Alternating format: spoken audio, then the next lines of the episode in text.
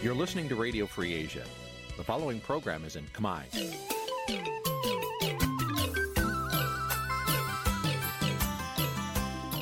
នេះជាកម្មវិធីផ្សាយ Vuthu Azizi Serai នេះជាកម្មវិធីផ្សាយរបស់ Vuthu Azizi Serai ជាភាសាខ្មែរ Vuthu Azizi Serai សូមស្វាគមន៍លោកអ្នកនាងទាំងអស់ពីរដ្ឋធានី Washington នៃសហរដ្ឋអាមេរិក ចាប់ពីរដ្ឋធានី Washington នាងខ្ញុំម៉ៅសុធានីសូមជម្រាបសួរលោកអ្នកស្ដាប់ទាំងអស់ជាទីមេត្រីចាយើងខ្ញុំសូមជូនការផ្សាយសម្រាប់ព្រឹកថ្ងៃអាទិត្យ4រោចខែអាសាឍឆ្នាំខាលចត្វាស័កពុទ្ធសករាជ2566ហើយដល់ត្រូវនឹងថ្ងៃទី17ខែកក្កដាគ្រិស្តសករាជ2022ជាដំបូងនេះសូមអញ្ជើញលោកអ្នកនាងកញ្ញាស្ដាប់ព័ត៌មានប្រចាំថ្ងៃដែលមានមេត្តាដូចតទៅ thank you រដ្ឋាភិបាលបង់ក្លាដេសស្នើកម្ពុជាជួយដោះស្រាយបញ្ហាមាតុភូមិនិវត្តរបស់ភៀសខ្លួនរ៉ូហីញ៉ាគណៈបកកណ្ដាលអំណាចត្រៀមយុទ្ធសាស្ត្របោះឆ្នោតជាតិក្រោយរៀបចំគម្រោងផ្ទេរអំណាចឲ្យលោកហ៊ុនម៉ាណែត ក្រសួងការងារចាត់ទុកការលុបបំបាត់ពលកម្មកុមារគឺជាការងារអតិភិបរបស់រដ្ឋាភិបាលជាកសិករត្អូញត្អែពីបញ្ហាខ្វះទឹកប្រើប្រាស់និងគ្មានទីផ្សារលក់ផលិតផលកសិកម្មរួមនឹងព័ត៌មានផ្សេងផ្សេងមួយចំនួនទៀតចាត់ជាបន្តទៅទៀតនេះនាងខ្ញុំម៉ៃសុធានីសូមជូនព័ត៌មានទាំងនោះពឺស្ដាប់ ចាលោកនានីជាទីមេត្រីប្រទេសបង់ក្លាដេសស្នើដល់រដ្ឋាភិបាលកម្ពុជាក្នុងនាមជាប្រធានបដូវវេនអាស៊ានឲ្យជួយដោះស្រាយបញ្ហាមាតុភូមិនិវត្តរបស់ជនភៀសខ្លួនរ៉ូហិញ៉ាទៅកាន់ប្រទេសមីយ៉ាន់ម៉ាឬភូមាវិញសំណើនេះត្រូវបានលើកឡើងនៅក្នុងជំនួបប្រវៀងរដ្ឋមន្ត្រីការបរទេសបង់ក្លាដេសលោកអាប់ឌុលម៉ូមិន ជាមួយលោកនាយករដ្ឋមន្ត្រីហ៊ុនសែននិងប្រមុខការទូតកម្ពុជាលោកប្រាក់សុខុនកាលពីថ្ងៃទី15ខែកក្កដា ក្រសួងការបរទេសកម្ពុជាឲ្យដឹងនៅក្នុងសេចក្តីប្រកាសព័ត៌មាន ថាលោកអាប់ឌុលម៉ូមិនបានជម្រាបជូនប្រមុខរដ្ឋាភិបាល និងប្រមុខការទូតអំពីស្ថានភាពជនភៀសខ្លួនដែលកំពុងជ្រកកោននៅក្នុងប្រទេសបង់ក្លាដេសលោកក៏បានថ្លែងដល់កម្ពុជាដែលជាប្រធានអាស៊ានបច្ចុប្បន្នជួយរកដំណោះស្រាយប្រកបដោយនិរន្តរភាពសម្រាប់ការធ្វើមេត្តាភូមិនិវត្តរបស់ជនភៀសខ្លួនទាំងនោះឲ្យបានឆាប់រហ័សមានសុវត្ថិភាព ហើយនិងសេចក្តីថ្លៃថ្នូរលោកអាប់ដុលម៉ូមិនសង្កត់ធ្ងន់ថាបង់ក្លាដេសប្រាថ្នាចង់ឃើញដំណើរការមេត្តាភូមិនិវត្តជាលើកដំបូងរបស់ជនភៀសខ្លួនរ៉ូហិញ៉ាកើតឡើងនៅក្នុងពេលដែលកម្ពុជា ធ្វើជាប្រធានអាស៊ាន រដ្ឋមន្ត្រីការបរទេសកម្ពុជាលោកប្រាក់សុខុន បានឆ្លើយតបទៅកាន់សមាភិកីបង់ក្លាដេសថាអាស៊ាននិងប្រធានអាស៊ាន យកចិត្តទុកដាក់ចំពោះបញ្ហានេះក៏ប៉ុន្តែលោកបញ្ជាក់ថាដំណោះស្រាយចំពោះរឿងនេះគឺអាស្រ័យជាចម្បង ទៅលើដំណោះស្រាយវិបត្តិបច្ចុប្បន្ននៅក្នុងប្រទេសភូមា លោកបន្តថាវិបត្តិក្នុងប្រទេសភូមានេះមានភាពស្មុគស្មាញនិងបញ្ហាប្រឈមច្រើនដែលលោកនាយករដ្ឋមន្ត្រីហ៊ុនសែនហើយនឹងរូបលោកផ្ទាល់កំពុងបន្តជំរុញឲ្យមានការអនុវត្តកិច្ចព្រមព្រៀងឯកច្ឆន្ទ5ចំណុចរបស់ថ្នាក់ដឹកនាំអាស៊ាន។ របាយការណ៍របស់ឧត្តមស្នងការអង្គការសហប្រជាជាតិទទួលបន្ទុកជនភៀសខ្លួន បានឲ្យដឹងថាបច្ចុប្បន្ននេះជនភៀសខ្លួនរ៉ូហិញ៉ាដែលកំពុងជ្រកកោននៅប្រទេសបង់ក្លាដេសមានចំនួនជាង9សែននាក់ពួកគេបានរត់គេចចេញពីអំពើហិង្សាការកាប់សម្លាប់ការរើសអើងនិងការដាក់ទោសដែលផ្ទុះឡើងនៅក្នុងរដ្ឋរខិននៃប្រទេសភូមា តាំងពីឆ្នាំ2017រហូតមក រដ្ឋមន្ត្រីការបរទេសបង់ក្លាដេសលោកអាប់ឌុលម៉ូមិន បានបញ្ចប់ដំណើរទស្សនកិច្ចរយៈពេល3ថ្ងៃរបស់លោកនៅកម្ពុជា កាលពីថ្ងៃទី16ខែកក្កដាម្សិលមិញ ក្រៅតែពីការស្នើជាពិសេសលើបញ្ហាជនភៀសខ្លួនរ៉ូហិញ៉ាហើយនោះប្រមុខការទូតបង់ក្លាដេសរូបនេះក៏បានគូសបញ្ជាក់ដែរថាបង់ក្លាដេសចង់ពង្រីកកិច្ចសហប្រតិបត្តិការលើគ្រប់វិស័យជាមួយកម្ពុជា ជាពិសេសគឺវិស័យពាណិជ្ជកម្មដើម្បីរក្សាសន្តិសុខស្បៀងខណៈដែលពិភពលោកកំពុងប្រឈមបញ្ហាស្បៀងឡើងថ្លៃ។ ពាក់ព័ន្ធនឹងចំណុចនេះលោកនាយករដ្ឋមន្ត្រីហ៊ុនសែនបានស្នើដល់ប្រមុខការទូតបង់ក្លាដេសឲ្យលើកទឹកចិត្តដល់អ្នកវិនិយោគរបស់ខ្លួន មកដាក់ទុនវិនិយោគនៅកម្ពុជាជាឃ្លាំងម៉ាស៊ីនកិនស្រូវនិងទិញស្រូវផ្ទាល់ពីកសិករខ្មែរសម្រាប់ស្តុកទុក និងនាំចេញដោយផ្ទាល់ទៅកាន់ប្រទេសបង់ក្លាដេសតែម្ដងឬក៏អាចរៀបចំសហការជាមួយកសិករខ្មែរក្នុងរូបភាពជាការធ្វើកសិកម្មតាមបែបកិច្ចសន្យាក៏បាន thank you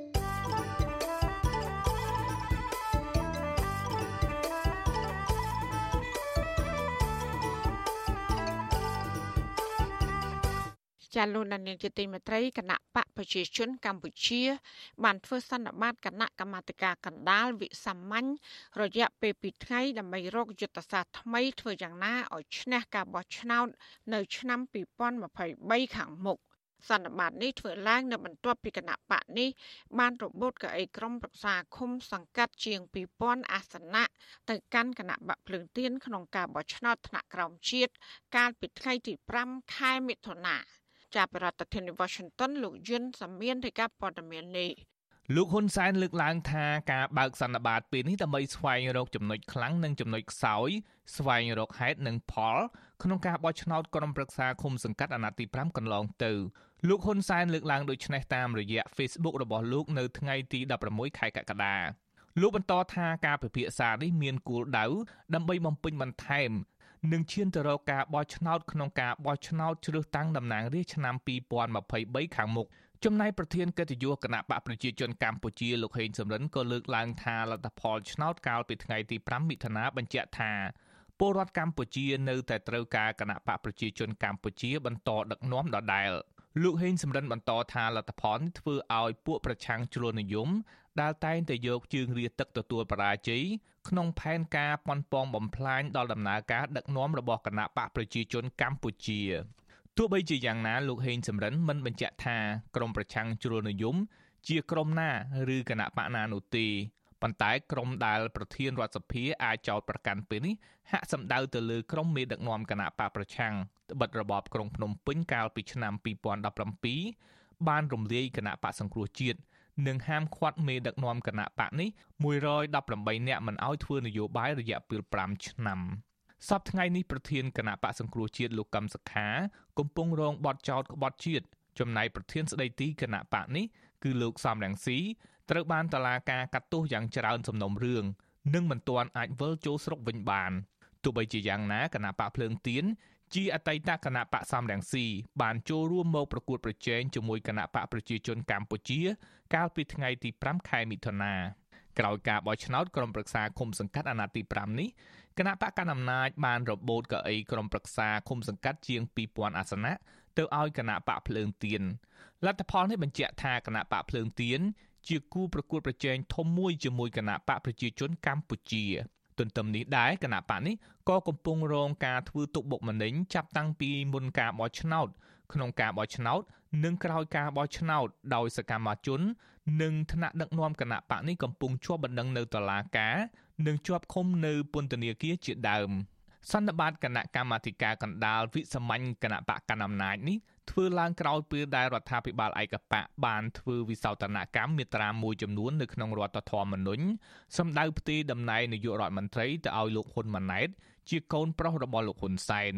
ការកែប្រែរដ្ឋធម្មនុញ្ញនេះអាចជាយុទ្ធសាស្ត្ររកផ្លូវចេញពីឆាកនយោបាយរបស់លោកហ៊ុនសែននៅជីវិតនយោបាយចុងក្រោយរបស់លោកដើម្បីធានាថាលោកនឹងមានសុវត្ថិភាពទៅថ្ងៃក្រោយ។ពាក់ព័ន្ធទៅនឹងរឿងនេះប្រធានស្ដីទីគណៈបកសង្គ្រោះជាតិនិងជាស្ថាបនិកគណៈបកភ្លើងទៀនលោកសំរងស៊ី ថ្លែងក្នុងកម្មវិធីផ្សាយវិទ្យុអាស៊ីសេរីកាលពីយប់ថ្ងៃទី15ខែកក្កដាថាបើតាមសម្លេងពលរដ្ឋផ្ដាល់ឲ្យគណៈបកភ្លើងទៀនជាង1លាន6សែនក្នុងការបោះឆ្នោតថ្នាក់ក្រោមជាតិកន្លងទៅនឹងធ្វើឲ្យគណៈបកនេះទទួលបានកៅអីជាង20ក្នុងរដ្ឋសភានឹងធ្វើឲ្យគណៈបកនេះអាចទទួលបានតំណែងអនុប្រធានទី1ឬអនុប្រធានទី2នៃរដ្ឋសភាក្នុងការបោះឆ្នោតឆ្នាំ2023ខាងមុខ លោកបន្តថាគណៈបកភ្លើងទៀនអាចក្លាយជាឧបសគ្គក្នុងផែនការផ្ទេរអំណាចរបស់លោកហ៊ុនសែនទៅលោកហ៊ុនម៉ាណែត ចឹងហ៊ុនសែនគាត់ដឹងថាអូកម្លាំងភ្លើងទៀនខ្លាំងនៅក្នុងរដ្ឋសភាច្បាស់ជាចំទាស់អញ្ចឹងបានគាត់កែរដ្ឋធម្មនុញ្ញគាត់រំលងមិនបាច់ឆ្លងកាត់ប្រធានរដ្ឋសភាមិនបាច់ឆ្លងកាត់អនុប្រធានទី1អនុប្រធានទី2រដ្ឋសភាពីព្រោះគាត់ដឹងថាក្នុងក្បាលម៉ាស៊ីនរដ្ឋសភាឆ្នាំក្រោយអាណត្តិក្រោយនោះគឺមានភ្លើងទៀនហើយភ្លើងទៀនច្បាស់ជាចំទាស់ហើយអញ្ចឹងហើយបានគាត់ថាទេឥឡូវសុំកែឲ្យទៅគណៈបកណាដែលមានសម្លេងឆ្នោតច្រើនជាងគេស្នើទៅព្រះមហាក្សត្រទោះបីជាយ៉ាងណាលោកសំរងស៊ីថា លោកនៅតែរក្សាជំហរធ្វើច្បាប់លើកលែងទោសឲ្យលោកហ៊ុនសែនប្រសិនបើលោកចោះចេញពីតំណែងដើម្បីសេចក្តីសុខរបស់ពលរដ្ឋខ្មែរមួយនគរតាក់ទងទៅនឹងរឿងនេះដែរអ្នកជំនាញផ្នែកវិទ្យាសាស្ត្រនយោបាយនិងកិច្ចការអន្តរជាតិលោកអែមសវណ្ណារាសង្កេតឃើញថាទោះបីពេលនេះគណៈបកប្រជាជនកម្ពុជាមានអំណាចនិងមានព្រៀបលើគូប្រកួតប្រជែងក្តីប៉ុន្តែគណៈបកនេះក៏មានការប្រុងប្រយ័ត្នដែរព្រោះបើគៀបសង្កត់ជ្រុលលើគូប្រកួតប្រជែង និងប្រឈមការរិះគន់ឬរងទណ្ឌកម្មបន្ថែមទៀតពីសហគមន៍អន្តរជាតិអ្វីដែលគណៈបកកណ្ដាលអំណាចចង់បាន គឺរក្សានៅស្ថានភាពដែលហៅថាអ្នកនយោបាយអឺ ពុំមានសកម្មភាពច្រើនអាចថាធ្វើឲ្យអ្នកទាំងអស់នោះភ័យផងខ្លាចផងអ្នកមហាជនទូទៅក៏មិនសូវចូលរួមច្រើនអាហ្នឹងគឺជាយុទ្ធសាស្ត្រឈ្នះឈ្នះហើយបើសិនបើបើកឱកាសឬក៏បើកលំហសេរីភាពឆ្លើយតបទៅនឹងអ្វីដែលភាគីប្រទេសលោកខាងលិចប្រជាធិបតេយ្យលើកឡើងគណៈបកកណ្ដាលអំណាចអាចពិបាកស្មានទៅនឹងគេហៅថាព្យាករទៅនឹងហានិភ័យដែលអាចជួបប្រទេសនៅពេលអនាគតបាទ តកតងការលើកឡើងបែបនេះវិទ្យុអាស៊ីសេរីមិនអាចសុំការឆ្លើយតបពីអ្នកនាំពាក្យគណៈបកប្រជាជនកម្ពុជាលោកសុកអេសានបានទេនៅថ្ងៃទី16ខែកក្កដាដោយលោកប្រាប់ថាលោកកំពុងជាប់ប្រជុំក្នុងសន្និបាតគណៈបកប្រជាជនកម្ពុជា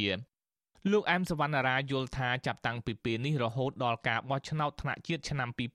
2023សហគមន៍អន្តរជាតិត្រូវយកចិត្តទុកដាក់បន្ថែមលើការគោរពសិទ្ធិមនុស្សលទ្ធិប្រជាធិបតេយ្យនិងលំហនយោបាយនៅកម្ពុជា បើមិនដូច្នោះទេគណៈបកនយោបាយដែលជាគូប្រកួតប្រជែងនឹងគណៈបកកណ្ដាលអំណាចនឹងប្រឈមការធ្វើទុកបុកម្នេញបន្តទៀត នៅសប្តាហ៍នេះសហរដ្ឋអាមេរិកបានជំរុញឲ្យរដ្ឋាភិបាលលោកហ៊ុនសែនដោះស្រាយបញ្ហាសិទ្ធិមនុស្សនិងលទ្ធិប្រជាធិបតេយ្យនៅមុនការបោះឆ្នោតជ្រើសរើសតំណាងរាស្ត្រឆ្នាំ2023ខាងមុខឧបការីរដ្ឋមន្ត្រីការបរទេសអាមេរិកទទួលបន្ទុកកិច្ចការអាស៊ីបូព៌ានិងប៉ាស៊ីហ្វិកលោក Daniel Crittenbrink លើកឡើងថាសហរដ្ឋអាមេរិកខ្វាយខ្វល់អំពីការរដ្ឋបិទលើលំហ និងសេរីភាពជាមូលដ្ឋានរបស់ពលរដ្ឋ ព្រមទាំងការដាក់គោលដៅលើមេដឹកនាំគណៈបកប្រឆាំងនិងអ្នកតស៊ូមតិផ្នែកសិទ្ធិមនុស្សនិងសង្គមស៊ីវិល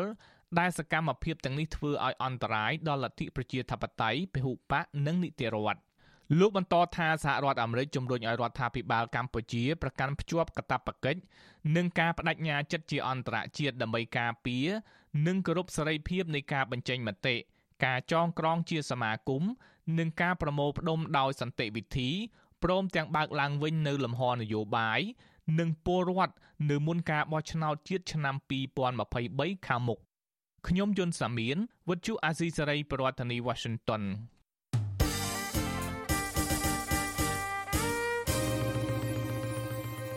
ចាលោកនានីជាទីមេត្រីតឡាការក្រុងភ្នំពេញ បានចេញដីកាកោះហៅមន្ត្រីគណៈបកភ្លើងទៀតម្នាក់នៅខេត្តត្បូងឃ្មុំ គឺលោកអេងស្រួយឲ្យចូលខ្លួនឆ្លើយបំភ្លឺនៅតឡាការនៅថ្ងៃទី22ខែកក្កដាខាងមុខតាមបណ្ដឹងរបស់ប្រធានក្រុមប្រឹក្សាអភិវឌ្ឍគ្រូនគរបាលជាតិនៃបណ្ឌិតសភានគរបាលកម្ពុជាលោកប្រាក់ណារុង ដែលបានចោទលោកពីបទបរហាគេពាក់ព័ន្ធនឹងការចោទប្រកាន់ថាមេប៉ូលីសរូបនេះទះកំភ្លៀងលោកមន្ត្រីខ្លាមើលសិទ្ធិមនុស្សលើកឡើងថាអាញាធរគួរតែស៊ើបអង្កេតឲ្យបានច្បាស់លាស់ជាមុនសិនខណៈដែលលោកអេងស្រួយអះអាងថាខ្លួនលោកគឺជាអ្នករងគ្រោះដោយសារការប្រាអំពើហិង្សាពីសំណាក់លោកប្រាក់ណារងចាលោកយ៉ងច័ន្ទរារាយការណ៍ព័ត៌មាននេះប្រធានក្រុមការងារគណៈបកភ្លើងទៀននៅខេត្តត្បូងឃ្មុំ និងជាអតីតគ្រូបង្រៀននៅអង្គភាពក្រុមប្រឹក្សាអភិវឌ្ឍគ្រូនគរបាលជាតិនៃបណ្ឌិតសភានគរបាលកម្ពុជា គឺលោកអេងស្រួយដែលអះអាងថាជាជនរងគ្រោះដោយការទះកំភ្លៀងពីមេប៉ូលីសផ្កាយ3ឈ្មោះប្រាក់ណរងនោះពេលនេះបែរជាជាប់បណ្ដឹងនៅតុលាការទៅវិញលោកប្រាក់ណរងដែលរងការចោទថាជាអ្នកបង្កហិង្សានោះបានប្តឹងលោកអេងស្រួយពីបទបរិហាកេលោកអេងស្រួយប្រាប់វិទ្យុអាស៊ីសេរីនៅថ្ងៃទី16ខែកក្កដាថា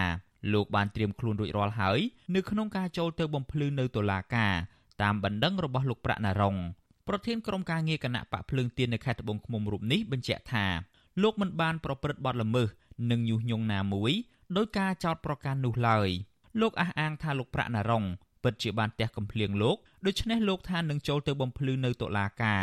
ដោយសារតែខ្លួនមិនមែនជាជនល្មើស លោកឲ្យដឹងថាលោកក៏កំពុងស្វែងរកមេធាវីដើម្បីរៀបចំពាក្យបណ្ដឹងប្តឹងបកទៅកាន់លោកប្រាក់ណរងដែលបានប្រើអំពើហិង្សាលើរូបលោកវិញដែរ។ នេះវាជារឿងមួយគួរឲ្យហួសចិត្តដែលប្រើអំពើហិង្សាមកលើខ្ញុំហើយបណ្ដេញខ្ញុំចេញពីក្របខ័ណ្ឌហើយទីបំផុតប្តឹងខ្ញុំពីបទបរិហាកេទៀតឥឡូវឈានដល់បទញុះញង់ឲ្យប្រព្រឹត្តបទប្រកបជាអាតខ្ញុំបានប្រព្រឹត្តអីខ្ញុំបានញុះញង់អីបាទផ្ទះក៏ភ្លៀងខ្ញុំហើយខ្ញុំមិនតឹងប្តឹងផងខ្ញុំគ្រាន់តែសុំឲ្យរកដំណោះស្រាយរបស់អង្គភាពនេះការពិតជារឿងខ្ញុំនិងបកគលតែប្រើអំពើហិង្សាមកលើខ្ញុំវាដោយសារការរើសអើងផ្នែកនយោបាយកាលពីថ្ងៃទី22ខែមេសា គ្រូបង្រៀននៅអង្គភាពក្រុមប្រឹក្សាអភិវឌ្ឍគ្រូនគរបាលជាតិនៃបណ្ឌិតសភានគរបាលកម្ពុជាលោកអេងស្រួយបានអះអាងថាមេរបស់លោកដែលជាអនុប្រធានបណ្ឌិតសភានគរបាលកម្ពុជា គឺលោកប្រាក់ណារង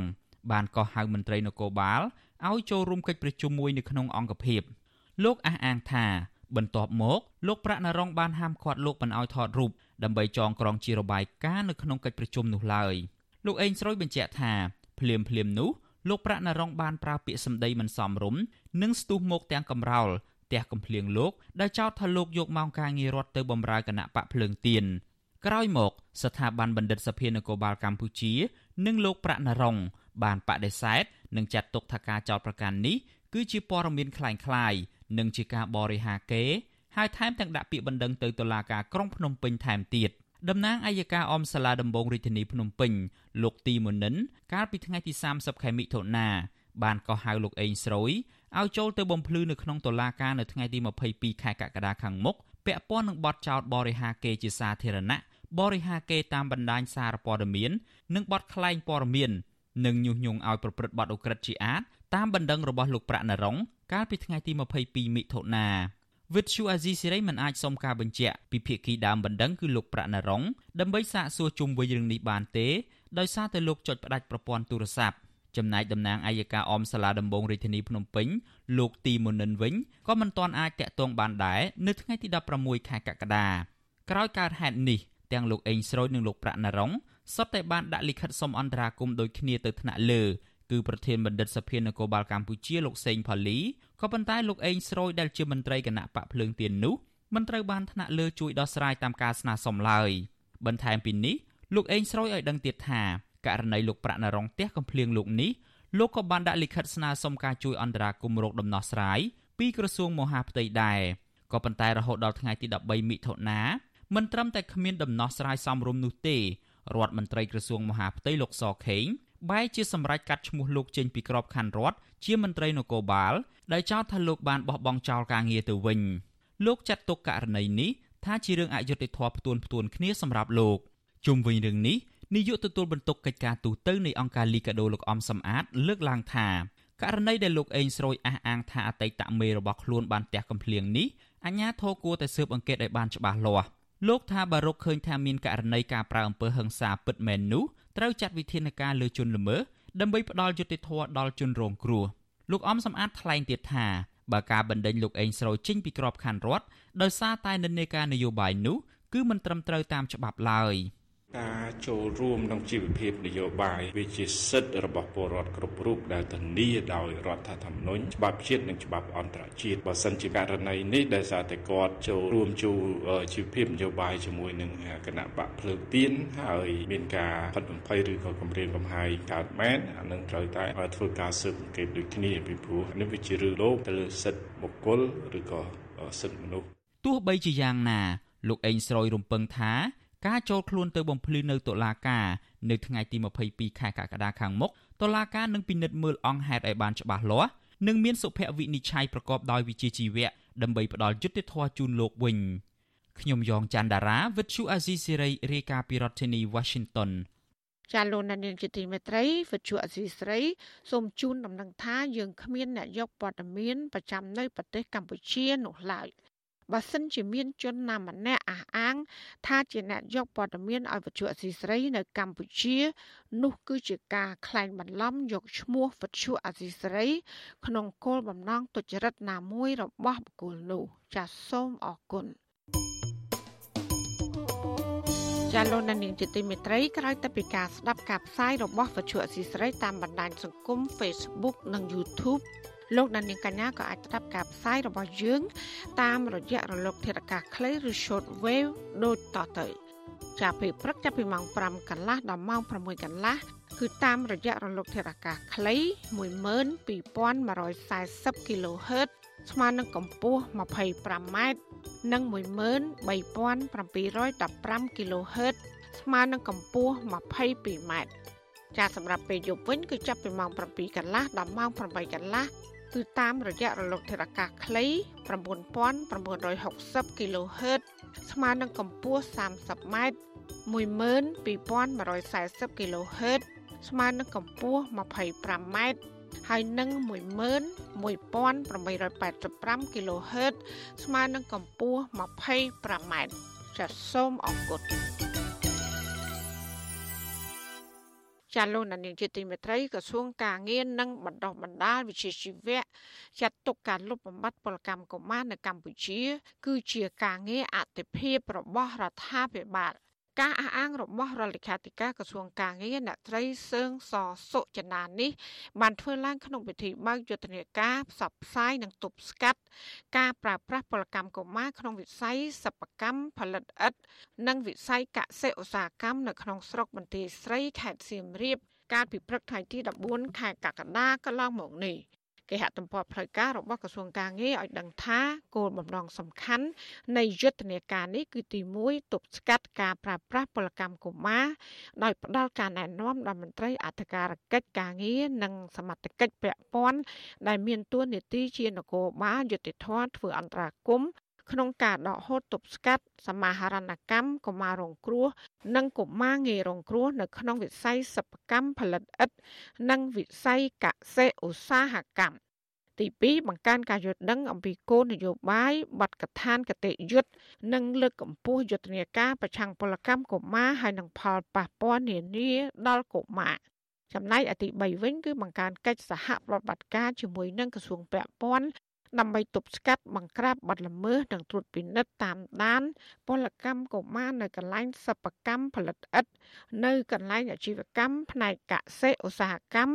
និងនៅតាមសហគមន៍ដែលកុមារនិងក្រុមគ្រួសាររបស់ពួកគេរស់នៅកាលពីដើមខែកក្កដាឆ្នាំ2021កន្លងមកនេះក្រសួងការបរទេសសហរដ្ឋអាមេរិកបានចេញផ្សាយរបាយការណ៍ប្រចាំឆ្នាំ ស្ដីពីការជួញដូរមនុស្សនៅកម្ពុជា។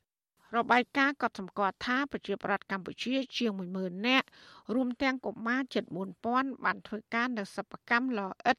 ជាទីដែលថកែលអិតបានអនុវត្តការបង្ខិតបង្ខំតាមរយៈបំណុលជាច្រើនចំនួន ដោយការបញ្ចាំខ្លួនដើម្បីដោះបំណុលការចេញប្រាក់សងបំណុលចាស់របស់ពួកគេ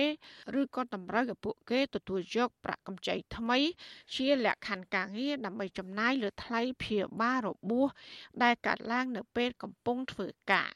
ទោះយ៉ាងណាមន្ត្រីក្រសួងការងារបានបដិសេធថាគ្មានការរំលោភពលកម្មនិងការបង្ខិតបង្ខំកុមារឲ្យធ្វើការដោះបំណុលក្នុងឧស្សាហកម្មលអិតនោះឡើយ។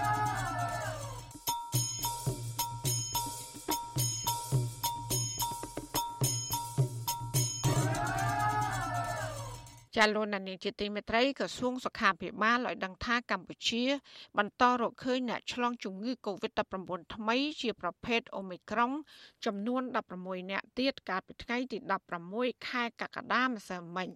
ជាមួយគ្នានេះក៏មានអ្នកជាសះស្បើយវិញចំនួន8អ្នក សេចក្តីប្រកាសព័ត៌មានរបស់ក្រសួងសុខាភិបាលឲ្យដឹងថាគិតត្រឹមថ្ងៃទី16ខែកក្កដាកម្ពុជារកឃើញអ្នកឆ្លងជំងឺ Covid-19 សរុបចំនួន136,434នាក់ដោយឡែកអ្នកជាសះស្បើយសរុបមានចំនួន133,283នាក់ហើយចំណែកអ្នកស្លាប់វិញ គឺមានសរុបចំនួន3056នាក់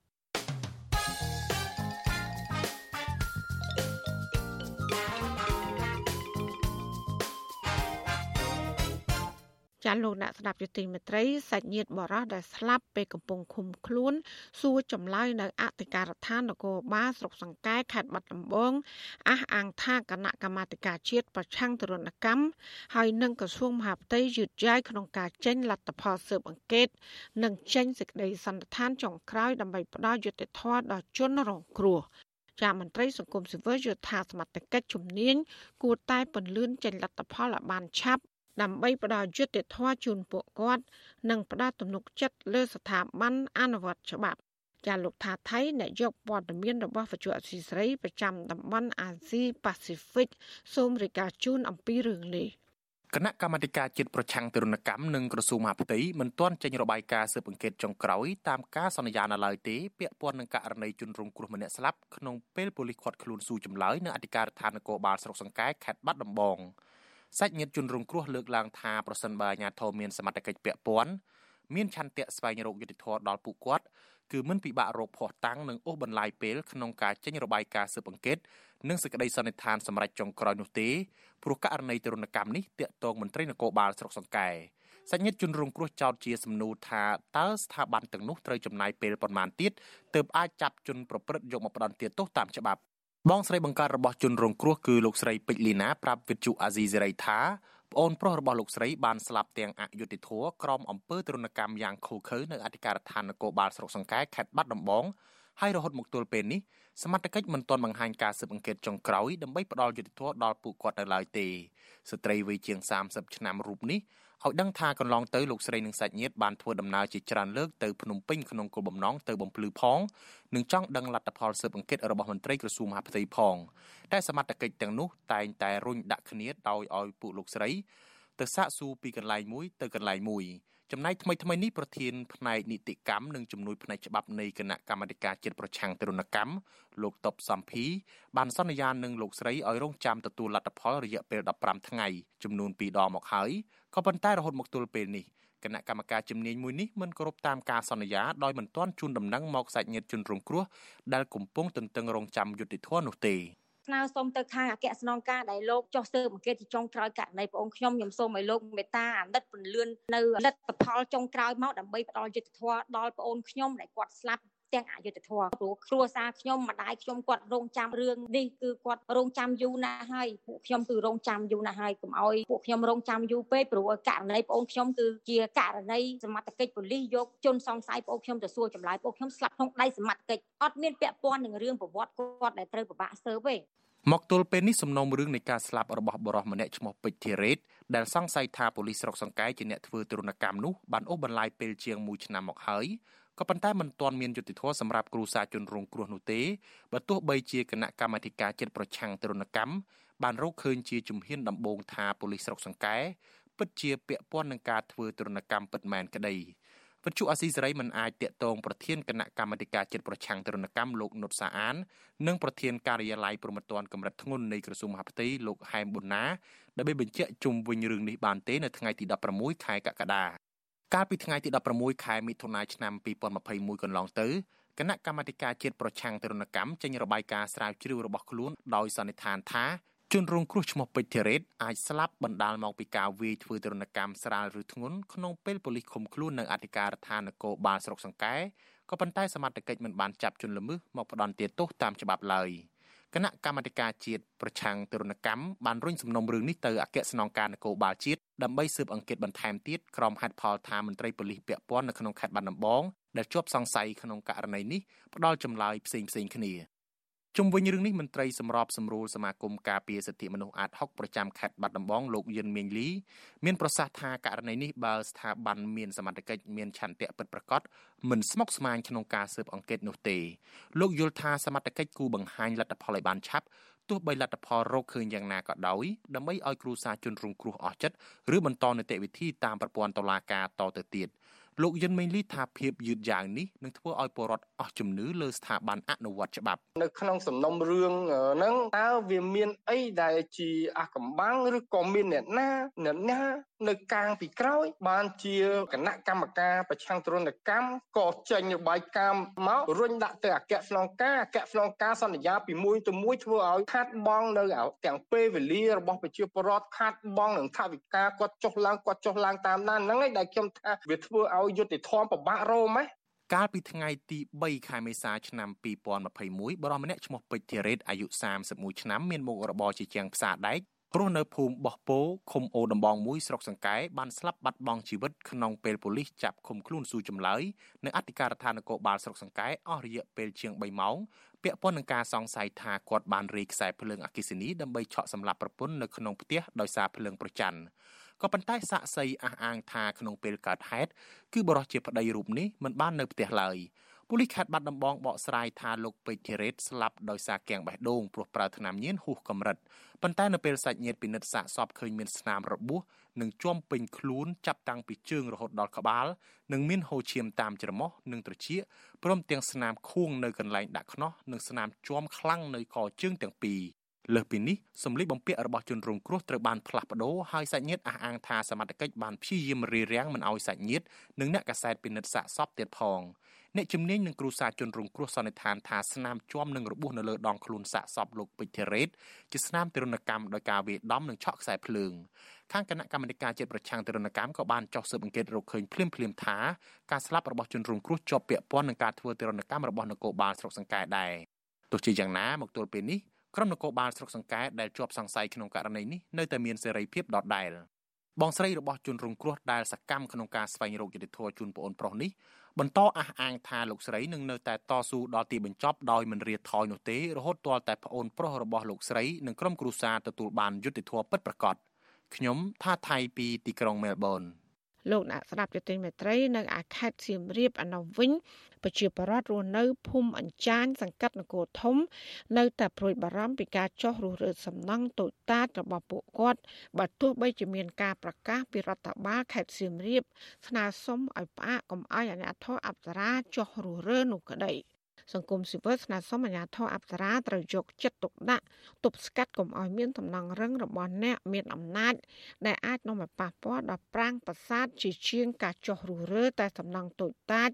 របស់ប្រជាជនក្រីក្រប្រជាប្រដ្ឋភូមិមញ្ចាញលោកស្រីលងពៅប្រាប់វត្ថុអសីស្រីថាលោកស្រី នៅតែមានការព្រួយបារម្ភពីអាញាធរអប្សរាចោះរុះរើសំណង់កូនខ្ទមរបស់លោកស្រី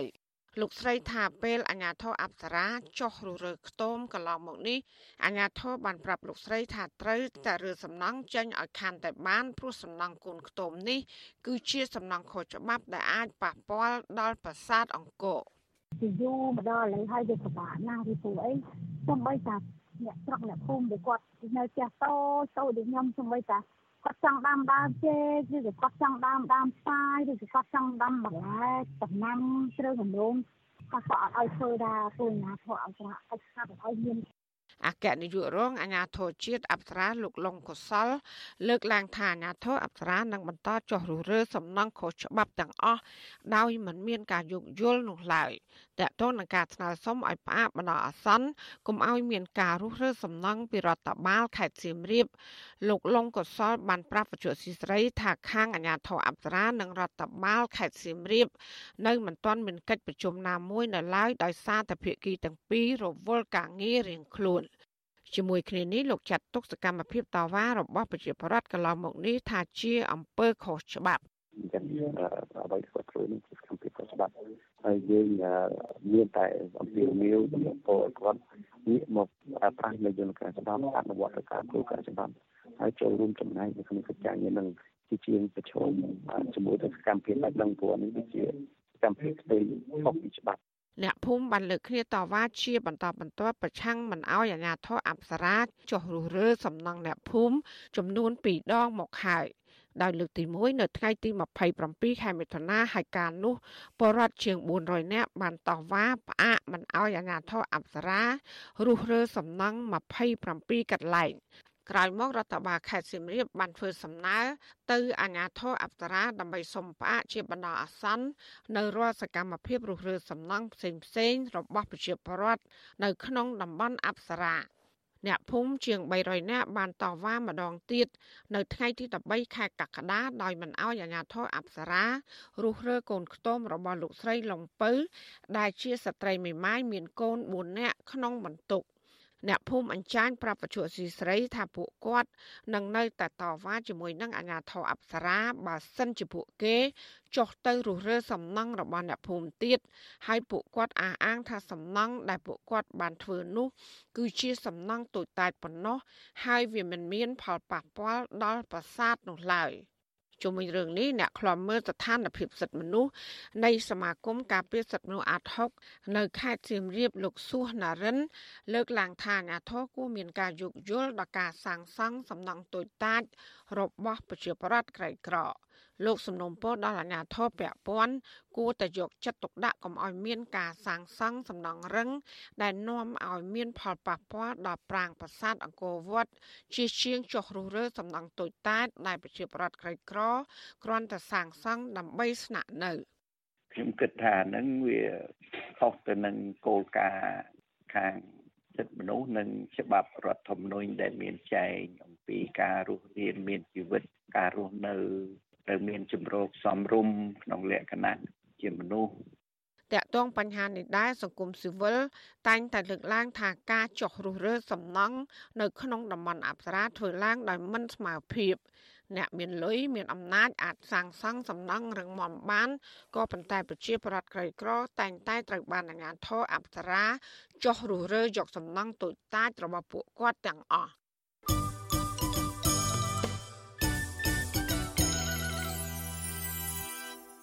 ចាលោកនាងជាទីមេត្រីថ្មីថ្មីនេះពជាកសិករនៅស្រុកមង្គលបុរី ស្រុកស្វាយជែកនិងស្រុកភ្នំស្រុកនៅក្នុងខេត្តបន្ទាយមានជ័យត្អូញត្អែពីបញ្ហាគ្មានទឹក សម្រាប់ធ្វើស្រែប្រាំងបណ្ដាលឲ្យស្រូវជិត10000ហិកតាងាប់ជាបន្តបន្ទាប់គណៈដែលបរដ្ឋខ្លះសម្រាប់បោះបង់ការធ្វើស្រែដោយសារតែជីវភាពក្រីក្រហើយគ្មានដើមទុនដាំដុះ ចាសសេចក្តីរាយការណ៍ពិស្ដារពីរឿងនេះលោកណានៀងក៏នឹងបានស្ដាប់នាពេលបន្តិចទៀតនេះ ចាលោកនាងជាទីមេត្រីពាក់ព័ន្ធនឹងរឿងបរិស្ថានវិញយុវជនស្រឡាញ់បរិស្ថានហើយនិងមន្ត្រីអង្គការសង្គមស៊ីវិលចូលរួមដាំកូនឈើ6000ដើមនៅតំបន់ប្រៃសហគមន៍សង្រុកវ័នដើម្បីបំពេញលើផ្ទៃដីដែលសឹករិចរិលគ្មានដើមឈើចំណែកសកម្មជនការពារប្រៃឈើថាយុវជននិងប្រជាពលរដ្ឋគួរតែចូលរួមនៅក្នុងសកម្មភាពការពារបទល្មើសប្រៃឈើបន្ថែមពីលើការដាំកូនឈើឡើងវិញ។ ចាលោកយ៉ងច័ន្ទរាមានសេចក្តីរាយការណ៍ពឹស្ដារមួយទៀតជំវិញព័ត៌មាននេះដូចតទៅក្រមយុវជនព្រះសង្ឃនិងអង្គការសង្គមស៊ីវិលមួយចំនួននាំគ្នាចុះទៅដាំកូនឈើនៅព្រៃសហគមន៍សង្ឃរុក្ខវ័នស្ថិតនៅក្នុងខេត្តឧត្តរមានជ័យនៅថ្ងៃទី16ខែកក្កដាការដាំកូនឈើនេះគឺដើម្បីស្ដារព្រៃសហគមន៍ឡើងវិញដោយដាំបំពេញនៅចន្លោះដីដែលរងការសឹករិចរិលព្រោះគ្មានគម្របព្រៃឈើការពារ យុវជនម្នាក់ដែលចូលរួមនៅក្នុងយុទ្ធនាការដាំកូនឈើនេះគឺលោកថុយចន្ទថាឲ្យដឹងថាលោកចូលរួមដាំកូនឈើជាមួយយុវជនដទៃទៀតដើម្បីបង្ហាញពីស្មារតីស្រឡាញ់បរិស្ថាន និងចូលរួមចំណែកក្នុងការស្ដារគម្របព្រៃឈើឡើងវិញ។ បើថាដាំដើម្បីជំនួសដើមឈើដែលកាប់ទៅបកតែបាត់បង់ទៅហើយវាអាចទៅរួចទេព្រោះយើងគម្រោងដាំតែ6000ដើមប្រាំខ្ញុំសូមសូមរំពោដល់រដ្ឋាភិបាលជាពិសេសអាជ្ញាធរពាក់ព័ន្ធមកគាត់ចូលរួមសហការជាមួយនឹងអង្គការសង្គមស៊ីវិលក៏ដូចជាសហគមន៍មូលដ្ឋានដើម្បីចូលរួមក្នុងការការពារព្រៃឈើជាពិសេសនៅក្នុងព្រៃសង្រកវ័នហ្នឹងសកម្មភាពរៀបចំពិធីដាំកូនឈើនេះត្រូវបានរៀបចំឡើងដោយសមាគមបណ្ដាញយុវជនកម្ពុជា CYN ដែលមានការចូលរួមពីយុវជន ព្រះសង្ឃនិងសហគមន៍សង្ឃរុក្ខវ័នក្នុងនោះកូនឈើចំនួន6000ដើមរួមមានកូនឈើប្រណិត និងឈើហូបផ្លែនឹងត្រូវដាំលើផ្ទៃដីរិចរិលចំនួន5ហិកតា ក្នុងតំបន់ព្រៃសហគមន៍សង្ឃរុក្ខវ័នក្រោមប្រធានបទថារួមគ្នាដាំកូនឈើដើម្បីជីវិតនិងភពផែនដីមន្ត្រីសម្របសម្រួលគម្រោងសមាគមបណ្ដាញយុវជនកម្ពុជា លោកអូតឡាទីនឲ្យដឹងថា សមាគមរៀបចំការដាំកូនឈើនេះឡើងដើម្បីស្ដារដីដែលគ្មានគម្របព្រៃឈើការពារពីការបាត់បង់ជីជាតិលោកបន្តថានៅលើដីចំនួន5ហិកតានេះមិនមានរុក្ខជាតិធំធំលូតលាស់នោះទេ ដែលធ្វើឲ្យដីទទួលរងសំណឹកពីធម្មជាតិបាត់បង់គុណភាព និងជីជាតិមិនអាចប្រើការបានលោកឲ្យដឹងទៀតថាបច្ចុប្បន្នការលួចកាប់ឈើប្រណិតប្រណិតនៅតែបន្តមាន ទន្ទឹមគ្នានេះ បទល្មើសបរបាញ់ដាក់អន្ទាក់សត្វព្រៃនិងនេសាទត្រីខុសច្បាប់ហាក់កើតមានកាន់តែច្រើនឡើងនៅក្នុងព្រៃមួយនេះដែលបង្កការព្រួយបារម្ភដល់ព្រះសង្ឃនិងប្រជាសហគមន៍ដែលនៅការពារទីនេះលោកបន្ថែមទៀតថាមានតែរដ្ឋាភិបាលនិងក្រសួងពាក់ព័ន្ធពង្រឹងទៅលើការអនុវត្តច្បាប់និងសហការជាមួយសកម្មជនបរិស្ថានតែប៉ុណ្ណោះទើបអាចការពារធនធានធម្មជាតិពីការបំផ្លិចបំផ្លាញបាន។ សូមបញ្ឈប់ការចោតប្រកាន់ឬក៏ការធ្វើការលាបពណ៌ទៅលើក្រុមអ្នកធ្វើកិច្ចការងារទៅលើវិស័យធនធានធម្មជាតិពួកកន្លងទៅយើងឃើញថាតែងតែមានការចោតប្រកាន់ឬក៏ធ្វើការលាបពណ៌ផ្សេងផ្សេងដល់ក្រុមសកម្មជនឬក៏ក្រុមអ្នកដែលធ្វើកិច្ចការងារទៅលើវិស័យធនធានធម្មជាតិណាបាទជុំវិញរឿងនេះដែរប្រធានមន្ទីរបរិស្ថានខេត្តឧត្តរមានជ័យលោកភួងលីណា បង្ហាញការគ្រប់គ្រងនិងមានបំណងចូលរួមជាមួយយុវជន នៅក្នុងការដាំកូនឈើនៅសហគមន៍ព្រៃសង់រុក្ខវ័នផងដែរ លោកថាបើទោះបីជាមានសកម្មភាពបត់ល្មើសមួយចំនួននៅតែកើតមានយ៉ាងណាក្តីក៏មន្ទីរបរិស្ថានរបស់លោកកំពុងព្យាយាមអនុវត្តច្បាប់ និងពង្រឹងការការពារព្រៃមួយនេះបន្ថែមទៀត។ ខ្ញុំសាទរហើយយើងនឹងចូលរួមជាមួយសហគមន៍ក៏ដូចជាអ្នកដែលមានពាក់ព័ន្ធទាំងអស់ដែលទៅចូលរួមក្នុងកម្មវិធីដាំហ្នឹងពាក់ព័ន្ធជាមួយនឹងបាត់ល្មើសព្រៃឈើបើយើងប្រៀបធៀបពេលនេះនឹងពីមុនហើយយើងឃើញថាមានការថយចុះច្រើនហើយមកដល់ពេលនេះយើងមិនទាន់ថាវាអាចថយចុះបាន100%នៅឡើយទេពីព្រោះនៅមានខ្លះដែរពាក់ព័ន្ធជាមួយនឹងបាត់ល្មើសព្រៃឈើក៏ដូចជាបាត់ល្មើសសត្វព្រៃ ចំណែកសកម្មជនការពារព្រៃឈើលោកហេងស្រស់វិញលោកសាទរចំពោះការចូលរួមរបស់យុវជន និងប្រជាពលរដ្ឋក្នុងការស្រឡាញ់និងស្ដារធនធានធម្មជាតិឡើងវិញលោកមើលឃើញថាការចូលរួមរបស់យុវជន និងប្រជាពលរដ្ឋក្នុងកិច្ចការពារព្រៃឈើហាក់មិនសូវមានភាពផុសផុលនោះទេដោយសារតែមានការគំរាមកំហែងនិងរដ្ឋបិទពីអាជ្ញាធរលោកស្នើឲ្យរដ្ឋាភិបាលក្រសួងពាក់ព័ន្ធនិងអាជ្ញាធរ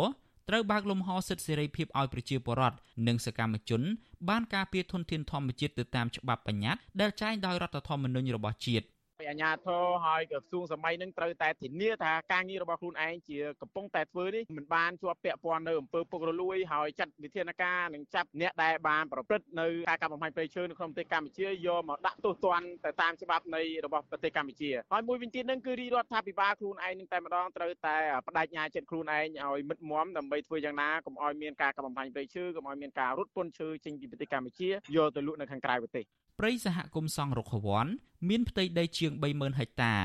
កាលពីឆ្នាំ2018ព្រៃសហគមន៍មួយនេះបានក្លាយជាតំបន់ការពារដែនជំរកសត្វព្រៃសង់រុក្ខវ័នបន្ទាប់ពីមានការតស៊ូការពារតាំងពីឆ្នាំ2001ពីសំណាក់ព្រះដេចប្រគុណប៊ុនសាលួតដែលស្រឡាញ់ធម្មជាតិសហគមន៍មួយនេះមានព្រៃឈើនៅសេសសល់ច្រើនជាងគេនៅក្នុងខេត្តឧត្តរមានជ័យនិងមានសត្វព្រៃកម្ររស់នៅជាច្រើនប្រភេទ ខ្ញុំយ៉ងច័ន្ទដារាវិទ្យុអាស៊ីសេរីរាយការណ៍ពីរដ្ឋធានី Washington អាស៊ីសេរីចាលោកនាងកញ្ញាជាទីមេត្រីវិទ្យុអាស៊ីសេរីសូមជូនដំណឹងថាយើងគ្មានអ្នកយកព័ត៌មានប្រចាំនៅប្រទេសកម្ពុជានោះឡើយបើសិនជាមានជនណាម្នាក់អះអាង ថាជាអ្នកយកព័ត៌មានឲ្យវិទ្យុអាស៊ីសេរីនៅកម្ពុជា នោះគឺជាការក្លែងបន្លំយកឈ្មោះរបស់វិទ្យុអសីស្រី ក្នុងគោលបំណងទុច្ចរិតណាមួយរបស់បុគ្គលនោះចាសសូមអរគុណ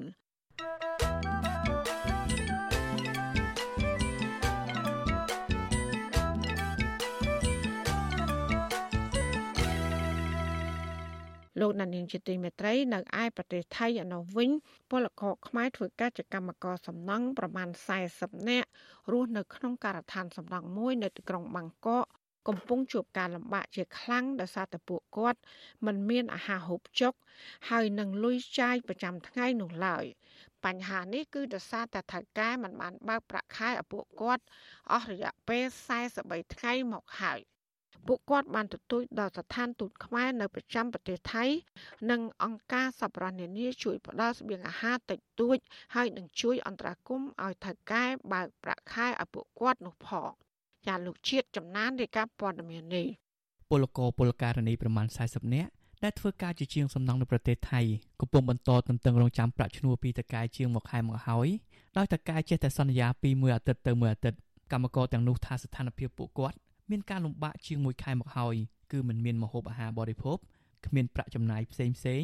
ពេលខ្លះឈឺមិនហ៊ានទៅមន្ទីរពេទ្យព្រោះគ្មានលុយបង់ថ្លៃព្យាបាលកម្មការនីធ្វើការសំណងនៅទីក្រុងបាងកកលោកស្រីញឹមសរមដែលធ្វើការនៅទីនេះអស់រយៈពេល5ឆ្នាំមកពីស្រុកសង្កែខេត្តបាត់ដំបងប្រាប់វិសុអេស៊ីសរ៉ៃនៅរសៀលថ្ងៃទី16ខែកក្កដាថាពលករទាំងអស់នៅការដ្ឋានសំណង់ចតុចៈនេះដេកចាំតកែបាក់ប្រាក់ខែឲ្យលោកស្រីបន្តថាតកែសន្យានឹងសងថ្លៃពលកម្មឲ្យទាំងអស់ និងស្នើសុំឲ្យពួកគាត់ធ្វើការសិនតែលោកស្រីបដិសេធព្រោះគ្មានលុយទិញអង្គរមហូបចំណីធ្វើឲ្យគ្មានកម្លាំងធ្វើការនោះទេលោកស្រីស្នើដល់ស្ថានទូតខ្មែរចុះជួយដល់ពលករទាំងអស់ដោយចរចាជាមួយនឹងតកែដើម្បីបើកប្រាក់ឈ្នួលដល់កម្មករសំណង់ទាំងអស់នោះ។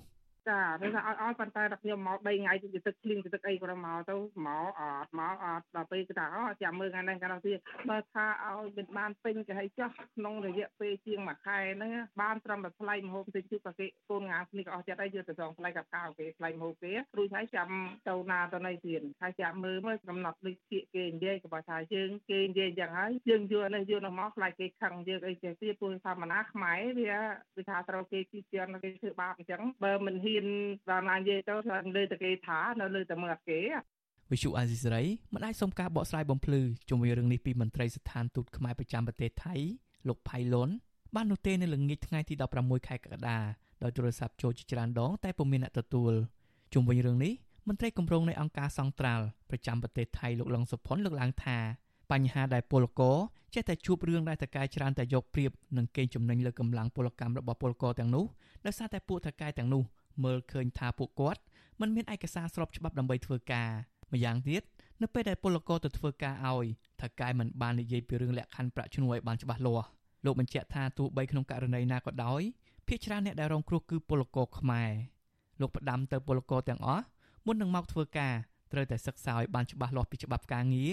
និងអំពាវនាវដល់ស្ថានទូតខ្មែរចុះត្រួតពិនិត្យនិងដោះស្រាយរាល់ទុក្ខលំបាករបស់ប្រជាពលករឲ្យបានទាន់ពេល។ មិនមិនបើកប្រាក់ខែឲ្យពញាថាងបើកតែប៉ុណ្ណេះប៉ុណ្ណេះអញ្ចឹងជួយខ្ញុំឃើញករណីខ្លះវាអញ្ចឹងករណីខ្លះពញាពញាអត់ចង់បើកឲ្យគ្នាទេថាថាអឺចាំថ្ងៃនេះចាំថ្ងៃនោះអញ្ចឹងវាឃើញច្រើនអញ្ចឹងហើយមួយរយៈនេះឃើញបងប្អូនពលករហ្នឹងគាត់ខលមកតំណែងតំណងតាមខ្ញុំដែរតែដល់ពេលខ្ញុំនិយាយជាមួយទៅគាត់សន្យាថាអឺចាំមើលថ្ងៃនេះចាំមើលថ្ងៃនោះអញ្ចឹងវាអត់ច្បាស់លាស់ទាំងណាអញ្ចឹងជាពិសេសគឺពលករសំណងរាប់ម៉ៅហ្នឹងឯងពលករខ្មែរទាំងនោះ តែងតែរស់នៅជាក្រុមជាក្រុមមានគ្នាប្រមាណ40នាក់ទៅ50នាក់ក្នុងខ្ទមប្រក់សង្កសីនិងជញ្ជាំងបិទដោយតង់កស៊ូដែលនៅក្បែរការដ្ឋានដែលពួកគាត់ធ្វើការពលករសំណង់ថាកន្លែងស្នាក់នៅរបស់ពួកគាត់គឺរស់នៅបែបនេះរហូតមកបន្ទាប់ពីផ្លាស់ពីមួយកន្លែងទៅមួយកន្លែងទៀតក្រោយពីសំណង់បានសង់រួចរាល់ពេលមានភ្លៀងម្ដងម្ដង មានមូសច្រើនប៉ុន្តែពួកគាត់ចេះតែទ្រាំតស៊ូធ្វើការដោយមិនត្អូញត្អែ ដើម្បីរកអង្គច្រកឆ្នាំងរកលុយផ្ញើឲ្យកូនរៀននិងឪពុកម្ដាយនៅឯស្រុកកំណើតរបាយការណ៍របស់អង្គការសង្ត្រាល់ថាសប្តាហ៍មានពលករខ្មែររស់នៅនឹងធ្វើការនៅប្រទេសថៃទាំងស្របច្បាប់និងមិនស្របច្បាប់មានប្រមាណជាង2លាននាក់ខ្ញុំបាទចិត្តចំណាន Visual Assisray ប្រធានាទី Washington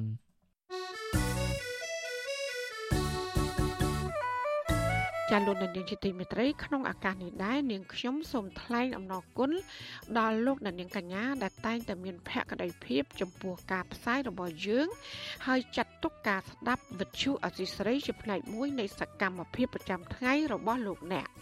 ចាការគ្រប់គ្រងរបស់លោកនាងនេះហើយដែលធ្វើយើងខ្ញុំ មានទឹកចិត្តកាន់តែខ្លាំងបន្ថែមទៀតក្នុងការស្វែងរក និងផ្តល់ព័ត៌មាន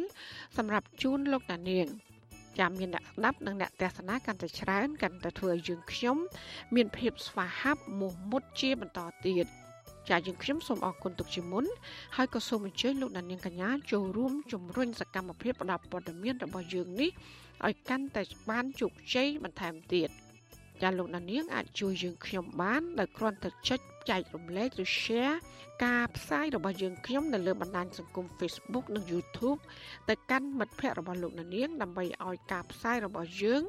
បានទៅដល់មនុស្សកាន់តែច្រើនចាសសូមអរគុណ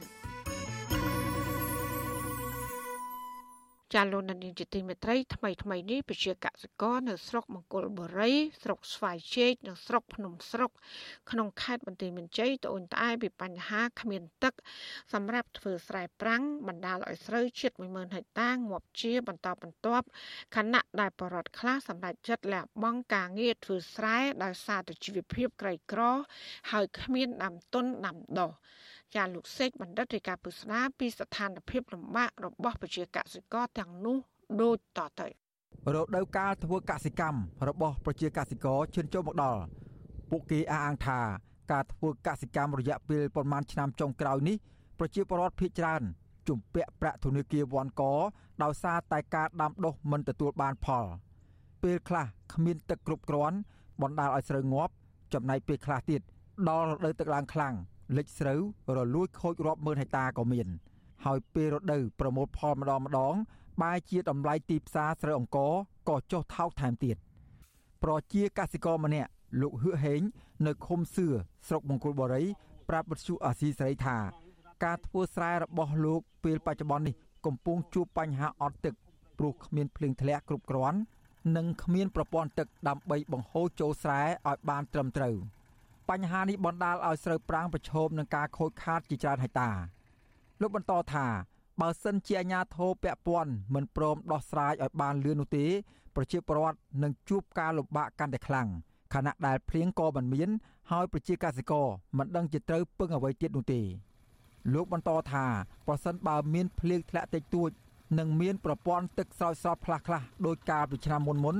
ប្រជាកសិករអាចសង្ឃឹមថាទទួលបានផលដើម្បីផ្គត់ផ្គង់ជីវភាពប៉ុន្តែបើដូចបច្ចុប្បន្ននេះគឺមិនសង្ឃឹមថានឹងទទួលបានផលអ្វីនោះឡើយ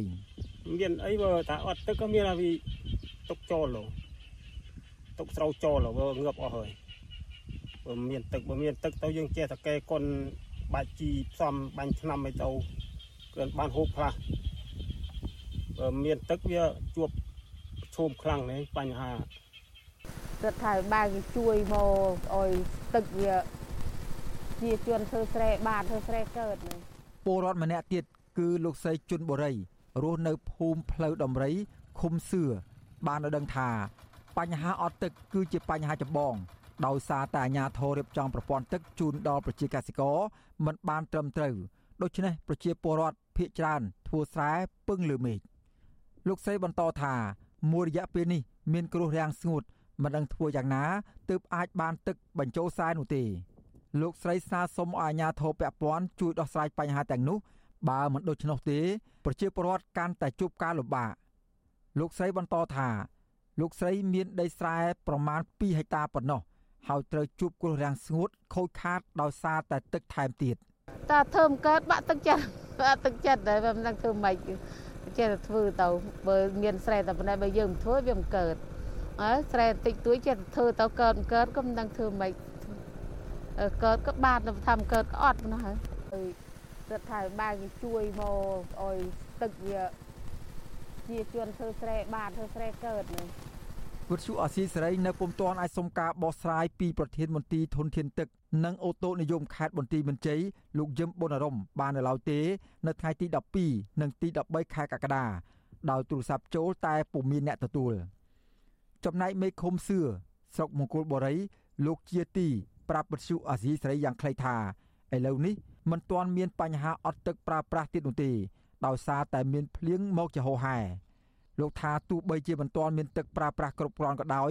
តែយ៉ាងណាលោកសន្យាថានឹងប្រឹងប្រែងដើម្បីស្វែងរកដំណោះស្រាយបន្ថែមទៀតជូនដល់ពលរដ្ឋដោយឡែកប្រជាពលរដ្ឋរស់នៅស្រុកស្វាយជែកឯនោះវិញពួកគាត់ត្អូញត្អែពីបញ្ហាប្រេងសាំងឡើងថ្លៃ បណ្ដាលឲ្យប្រជាពលរដ្ឋភ័យច្រើនបោះបង់ការធ្វើកសិកម្មដោយជ្រើសរើសការចំណាក់ស្រុកទៅប្រទេសថៃក្រោយពីធ្វើស្រែចម្ការជំពាក់បំណុលធនាគារកាន់តែច្រើនឡើង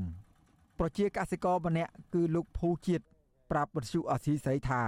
អ្វីត្បិតតែប្រជាពលរដ្ឋភ័យច្រើននៅក្នុងស្រុកនេះនិយមធ្វើកសិកម្មបែបប្រពៃណីមកជាយូរយារណាស់មកហើយក៏ដោយប៉ុន្តែប្រជាពលរដ្ឋភ័យច្រើនសម្រេចបោះបង់មុខរបរកសិកម្មដោយទុកដីទំនេរចោល ហើយខ្លះទៀតក៏ជួលឲ្យអ្នកផ្សេងធ្វើជំនួសព្រោះតែការចំណាយផ្សេងផ្សេងអស់ច្រើន ស្របពេលដែលក្រសួងពាក់ព័ន្ធជាពិសេសក្រសួងកសិកម្មមិនដែលអើពើជួយដោះស្រាយបញ្ហាជូនដល់ប្រជាពលរដ្ឋនេះណាកសិករគ្នាក៏ខឹមស្រែដល់អំបានចេះទីថារំលែកលើកមុនចេះតែបានសំណំទៅដល់យូរយូរទៅគាត់តែគាត់តែធ្លាក់ចុះឡើងចុះឡើងស្រដៀងគ្នានេះដែរ លោកស្រីហំសុក នៅស្រុកភ្នំស្រុក បានឲ្យដឹងថាអស់រយៈពេលជាច្រើនឆ្នាំមកនេះប្រជាកសិករជំពាក់បំណុលធនាគារដោយសារតែយកលុយមកធ្វើស្រែចម្ការប៉ុន្តែដល់ពេលប្រមូលផលម្ដងម្ដងមិនដាល់បានចំណេញនោះទេខណៈដែលការចំណាយផ្សេងផ្សេងអស់ច្រើនលោកស្រីហំសុកអះអាងថា ការធ្វើស្រែចម្ការឆ្នាំនេះ ការចំណាយមានការកើនឡើងទ្វេដងលើការជួលត្រាក់ទ័រសម្រាប់ភ្ជួរការទិញជីស្រូវពូជ និងការចំណាយលើការទិញប្រេងសាំងជាដើមឆ្លើយតបជុំវិញរឿងនេះប្រធានមន្ទីរកសិកម្មរុក្ខាប្រមាញ់និងនេសាទខេត្តបន្ទាយមានជ័យលោកប៉ាងវណ្ណសេតប្រាប់បទសុអសីស្រីថាលោកមិនមានលទ្ធភាពក្នុងការដោះស្រាយបញ្ហាតម្លៃប្រេងសាំងជីនិងបញ្ហាជំពាក់បំណុលធនាគារដល់ប្រជាពលរដ្ឋបាននោះទេ ហើយលោកបដិសេធចំពោះការលើកឡើងរបស់ប្រជាពលរដ្ឋដែលថា ការធ្វើកសិកម្មកាន់តែជំពាក់បំណុលធនាគារនោះថាជារឿងមិនពិតលោកបន្តថាមន្ត្រីក្រសួងកសិកម្មរុក្ខាប្រមាញ់និងនេសាទបានប្រឹងប្រែងឲ្យប្រជាពលរដ្ឋយល់ដឹងពីបច្ចេកទេសធ្វើកសិកម្មហើយប្រជាពលរដ្ឋទាំងនោះកាន់តែមានជីវភាពល្អប្រសើរជាងមុននោះស្រាយមិនឥឡូវនេះយើងចង់ទៅអឺនេះចំនួនស្រាយមិនយកវិធីគេនេះឲ្យទៅដោះស្រាយមិនរឿងរបស់ធំចង់មក គ្រាន់តែជំរុញឲ្យគាត់ធ្វើស្រែណាហើយយើងរីការឬអីទៅខេត្តចឹងទៅហើយលក្ខណៈបកបកើផលរបស់គាត់ហ្នឹងគឺគាត់កំពុងតែចាប់ដំណើរការល្អហើយបាទមកដល់ពេលនេះវា80ជាងភាគរយហើយហើយកុំទៅយកសម្លេងប្រជាជនពីរបីនាក់យកទៅចំណាយទីទៅខេត្តណាពួកពលរដ្ឋហើយនេះគេយកពីរបីនាក់ដែលគេតែលូប៉ះណាញ៉ាំអត់មានស្រ័យផងក៏មានដែរ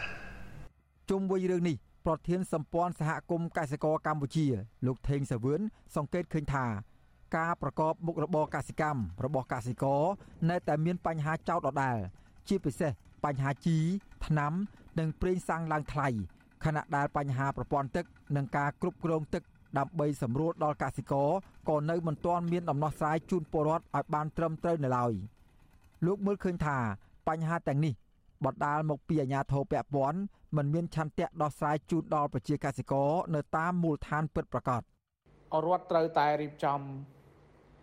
ឲ្យមានប្រព័ន្ធនៃខ្សែសង្វាក់ទីផ្សារដោយមានការជជែកពីគ្រោះយោបល់ហើយក៏ជួយនៅទំទុនបំរុងណាមួយ សម្រាប់ជាកម្ចីឬក៏សម្រាប់អឺជាទុនក្នុងការឲ្យប្រជាពលរដ្ឋអាចទៅប្រើប្រាស់បាន ហើយ តំណាក់តំណងពាណិជ្ជកម្មទីផ្សារទាំងការវិកខ្ចប់ការថែទាំហើយនឹងប្រព័ន្ធព័ត៌មានទាក់ទងនឹងទីផ្សារក៏ដូចជាព័ត៌មានលើការដាំដុះត្រូវតែផ្សព្វផ្សាយឲ្យបានទូលំទូលាយហើយត្រូវតែសិក្សាជាជំហានជំហាន ក្នុងការរកនៅធនធានមនុស្សក៏ដូចជាធនធានផ្សេងផ្សេងក្នុងការដោះស្រាយបញ្ហានេះផងដែរលោកថេងសវឿនផ្ដល់អនុសាសន៍ថារដ្ឋាភិបាល គួរតែមានផែនការទប់ស្កាត់គ្រោះធម្មជាតិយូរអង្វែងមុនពេលបញ្ហាមកដល់ទើបរៀបចំការងារជួយសង្គ្រោះប្រជាពលរដ្ឋលោកថេងសវឿនចង់ឃើញអាជ្ញាធររដ្ឋទាំងថ្នាក់មូលដ្ឋាននិងថ្នាក់ជាតិរិះរោបវិធានការជួយដល់ប្រជាកសិករហើយទទូចដល់រដ្ឋាភិបាលថាគួរជួយសម្រួលនិងធ្វើផែនការឲ្យបានច្បាស់លាស់ជាមុនសិនដើម្បីដោះស្រាយបញ្ហាប្រឈមនានារបស់កសិករពីគ្រោះធម្មជាតិខ្ញុំបាទសេកបណ្ឌិត វិទ្យុអាស៊ីសេរីពីរដ្ឋធានីវ៉ាស៊ីនតោន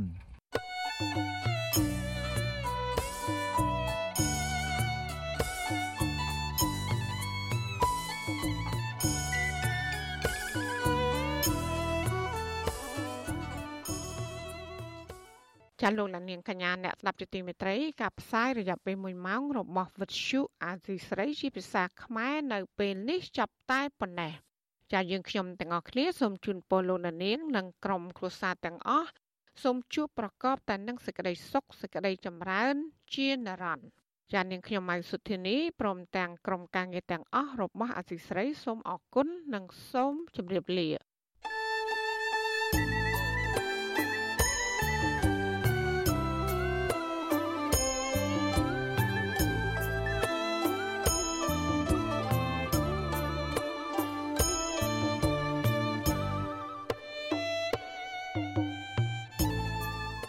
វិទ្យុអាស៊ីសេរីផ្សាយតាមរលក ធាតុអាកាសខ្លីឬ short wave តាមកម្រិតនិងកម្ពស់ដូចតទៅនេះពេលព្រឹកចាប់ពីម៉ោង5កន្លះដល់ម៉ោង6កន្លះតាមរយៈរលកធាតុអាកាសខ្លី12140 kHz ស្មើនឹងកម្ពស់ 25m និង13715 kHz ស្មើនឹងកម្ពស់ 22m ពេលយប់ចាប់ពីម៉ោង7កន្លះដល់ម៉ោង8កន្លះតាមរយៈរលកធាតុអាកាសខ្លី 9960 kHz ស្មើនឹងកម្ពស់ 30m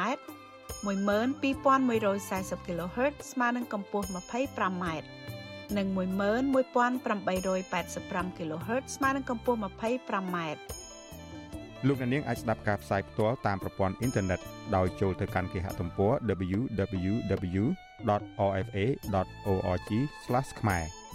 ក្រៅពីនេះលោកអ្នកនាងក៏អាចអាននិងទស្សនាព័ត៌មានវិទ្យុអេស៊ីសេរី លើទូរស័ព្ទដៃរបស់លោកអ្នកផ្ទាល់សូមលោកអ្នកនាងចូលទៅកាន់បណ្ដាញសង្គម Facebook ដែលមានអាសយដ្ឋាន www.facebook.com/rfa.cambodia